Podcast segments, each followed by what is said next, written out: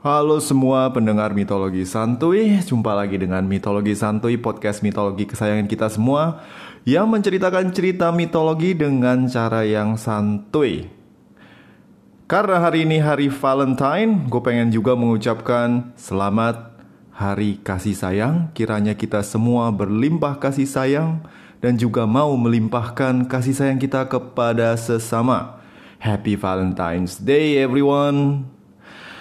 Oke, okay, gue akan memulai episode kali ini dengan permintaan maaf atas buruknya kualitas audio episode yang lalu. So, um, di episode yang lalu yaitu episode Hydra dari Lerna, gue tuh berbuat uh, kesalahan. Uh, ceritanya jadi gue so ide gitu kan nambahin suara musik buat nambahin suasana intense battle waktu Hercules berantem sama Hydra dan kepiting raksasa. Dan ketika gue masukin, gue pikir keren gitu kan.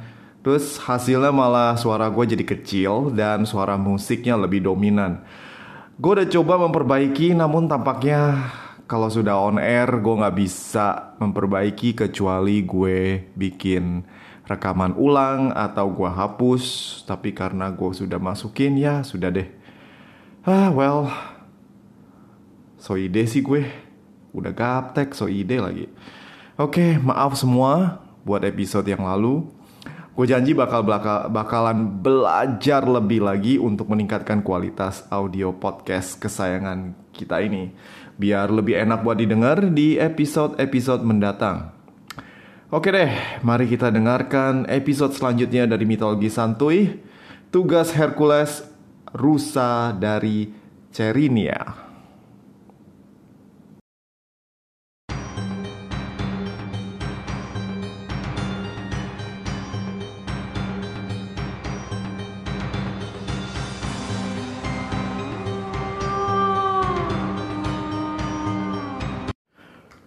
Hercules menikmati kemenangannya dengan berendam santai di pemandian umum Mycenae.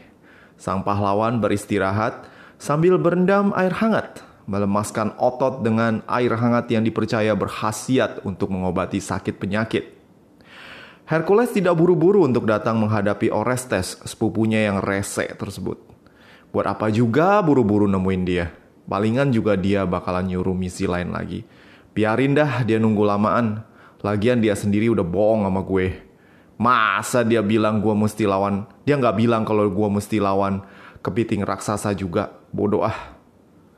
Sementara itu di istana Mycenae, Orestes telah mendengar kabar kembalinya Hercules ke Mycenae. Kabar kemenangannya melawan Hydra telah ramai dibicarakan oleh para penduduk yang makin lama makin kagum dengan kepahlawanan sang Bang Jago. Hercules keren, Hercules ganteng, jadikan aku pacarmu Hercules. Oh Hercules, aku ingin bayi darimu. Dan berbagai macam sorak-sorai kayak gitu. Orestes yang semakin dengki melihat begitu hangat sambutan sang rakyat terhadap Hercules langsung membubarkan masa bagai membubarkan demo dengan mengirimkan Satpol PP daerah Mycenae. Di mana Hercules? Lancang sekali anak itu. Kenapa dia tidak menghadap ke istana? Um, Baginda, dia sedang di mandian umum Baginda. Hah? Kurang ajar bener tuh orang. Panggil dia ke sini. Seret kalau perlu. Bisaan bener dia rendam leha-leha sebelum laporan ke gue. Tapi Baginda dia kuat and strong Baginda. Hamba takut Baginda. Bacot. Pergi ke sana. Atau gue potong gaji lu sampai keturunan yang keempat. Ampun Baginda, ampun. Ancaman gak manusiawi dari Orestes membuat kepala prajurit ketakutan dan akhirnya berani untuk mem berangkat memanggil Hercules ke istana.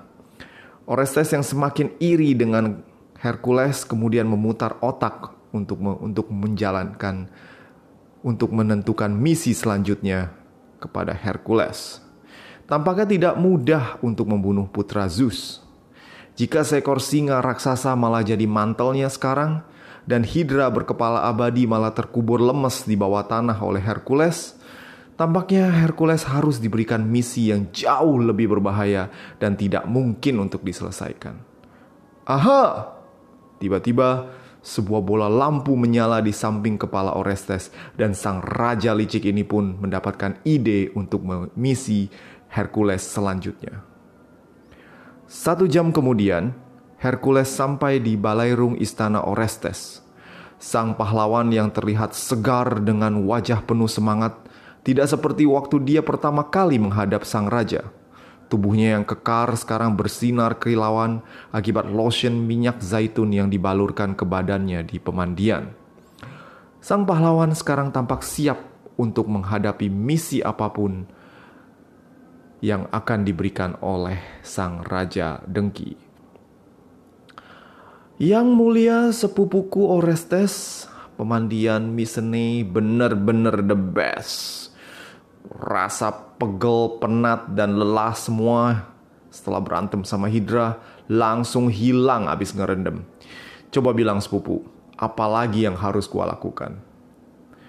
Orestes tidak ingin meladeni ucapan ramah Hercules. Dengan dingin dirinya langsung memberikan perintah selanjutnya. Kali ini aku ingin kau pergi menangkap seekor us rusa buat gue rusa. Itu doang. Ya udah, gue berangkat sekarang. Ntar malam gue bawain rusanya balik ke sini, oke? Okay? uh, not so fast, Hercules. Yang gue pinta itu bukan rusa biasa, tapi rusa Serinea. Rusa Serinea?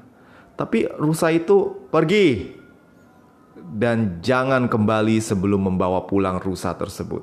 Potong Orestes. Air muka Hercules yang tadinya ceria kini berubah menjadi masam.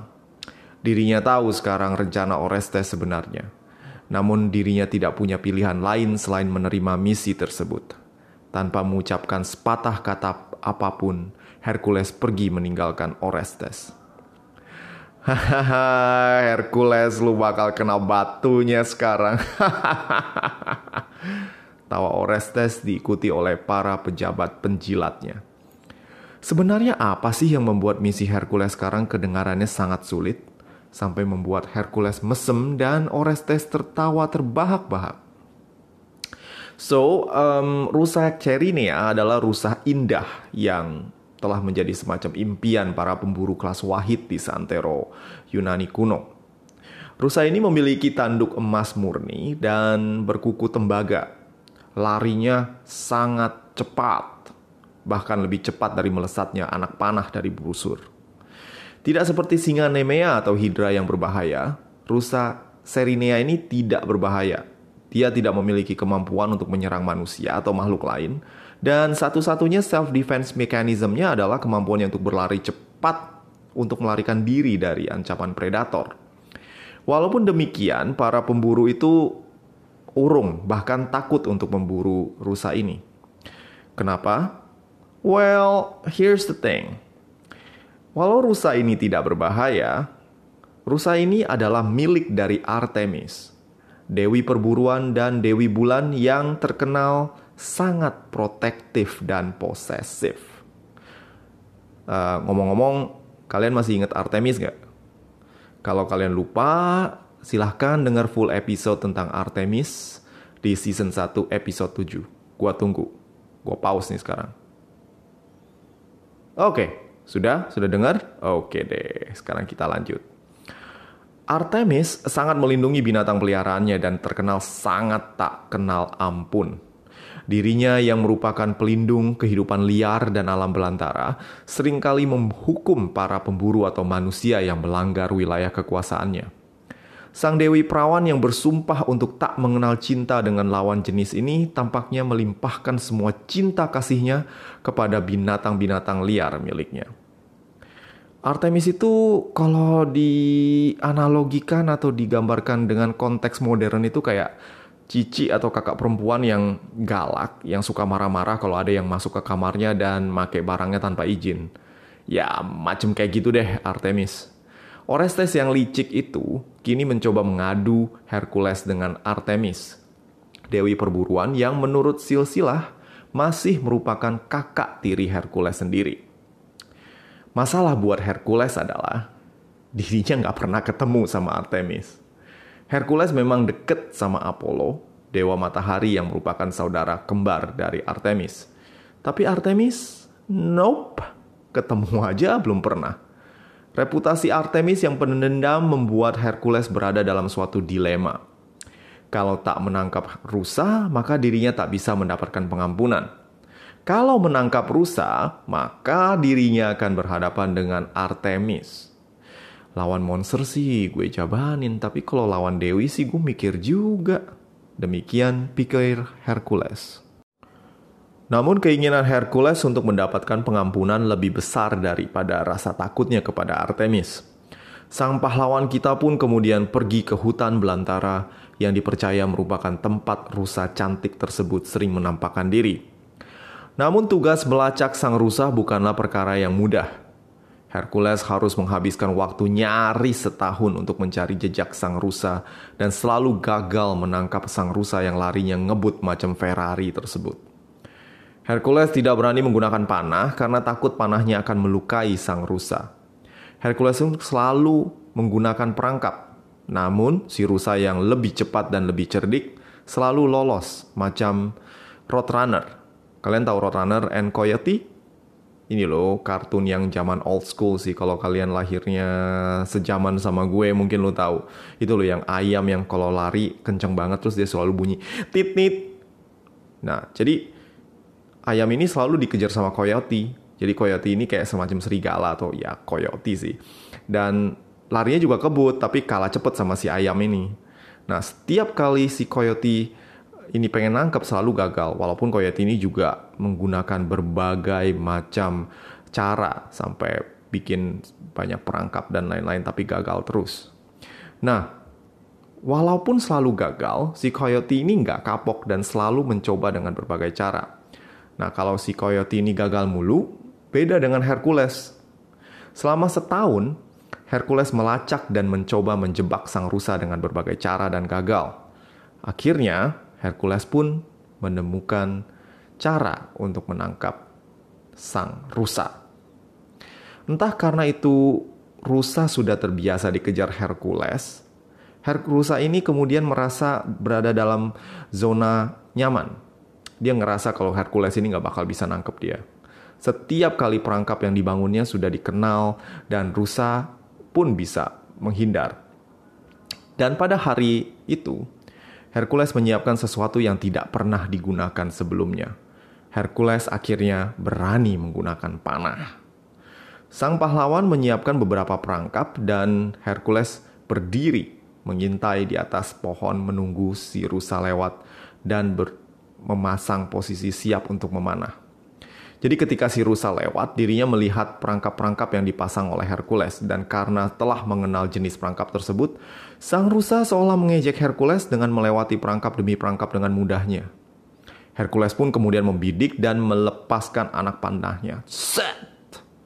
Rusa yang tak menyadari panah tersebut kemudian tersungkur jatuh karena panah tersebut menghantam kakinya, dan sebuah net besar yang sudah disiapkan oleh Hercules langsung melingkupi sang rusa. Hercules akhirnya berhasil menangkap rusa Kerinea. Sang rusa yang elok tersebut kini terbaring tak berdaya, namun tak terluka oleh panah Hercules. Wajar, tampaknya Hercules menggunakan panah tumpul dan mengincar kaki dari rusa tersebut agar sang rusa tersungkur. Hmm, makin pinter nih jagoan kita nih. Hercules kemudian melepaskan sang rusa dari jaring dan kemudian mengikat kedua pasang kakinya. Hercules yang tidak mau melukai atau menyakiti binatang peliharaan Artemis ini dengan perlahan dan lembut menaruh sang rusa di pundaknya. Namun baru saja berhendak untuk berjalan pergi, sebuah panah perah, perak melesat dan melukai sisi wajah Hercules yang berhasil menghindar pada saat yang genting. Set! Tiba-tiba, seorang wanita cantik dengan pakaian dari kulit binatang, rambut terikat, ponytail, bersenjatakan busur, dan panah perak berdiri di hadapan Hercules dengan posisi melepaskan anak panah perak berikutnya. Matanya berapi-api terbakar amarah dan raut mukanya yang cantik namun dingin membuat Hercules merasakan rasa takut pertama kalinya. Lepaskan rusa itu, atau panah ini akan menembus kepalamu. Hercules sadar dirinya tidak dalam posisi yang ideal untuk bertarung, apalagi dengan seorang dewi yang merupakan kakak tirinya sendiri, Artemis. Hercules pun dengan rendah hati meletakkan sang rusa dan bersujud di hadapan Artemis. Maafkan aku yang mulia Dewi, hamba tak berani lancang namun diam dan bersiaplah menerima ajalmu. Artemis membidik panah peraknya, namun seberkas sinar terang tiba-tiba muncul, dan kemudian sesosok dewa yang tampan dan penuh dengan kehangatan muncul. Eh, sabar dulu kak, sabar, sabar. Jangan galak-galak, dia ini Hercules, anak papa juga. Kata Apollo sambil memegang busur perak Artemis. Biar dia papa Zeus sekalipun gue bakal bunuh kalau macem-macem sama piaraan gue. Minggir dek, biar gue kirim bajingan lancang ini ke Hades. Maafkan aku Dewi Artemis, aku tidak pernah berniat jahat terhadap binatang peliharaanmu. Lihat, rusa ini sama sekali nggak terluka.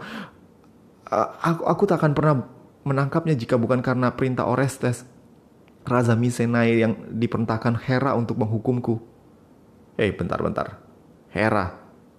Hera sang ratu surga. Artemis mulai melunak dan menurunkan busurnya. Amarahnya yang tadi membara kemudian mulai mereda. Apollo yang berdiri di samping Artemis kemudian menepuk pundak sang kakak sebagai isyarat untuk mendengarkan penjelasan Hercules. Benar Dewi Artemis, hamba Hercules, putra Zeus dari Alkmene. Hera yang cemburu pada ibuku terus berusaha mencelakakan aku dari lahir. Dari mengirim dua ular piton sampai membuatku gila dan membunuh anak-anak anak dan istriku. Aku. Hercules tak sanggup melanjutkan ceritanya. Sang pahlawan yang begitu gagah menaklukkan singa Nemea dan Hydra sekarang tersungkur di hadapan Artemis dengan perasaan pilu terkenang akan anak dan istrinya. Artemis menatap Apollo seorang berusaha mendapatkan konfirmasi akan cerita dari Hercules. Sang dewa matahari mengangguk tanda menegaskan kebenaran cerita Hercules. Artemis pun terdiam.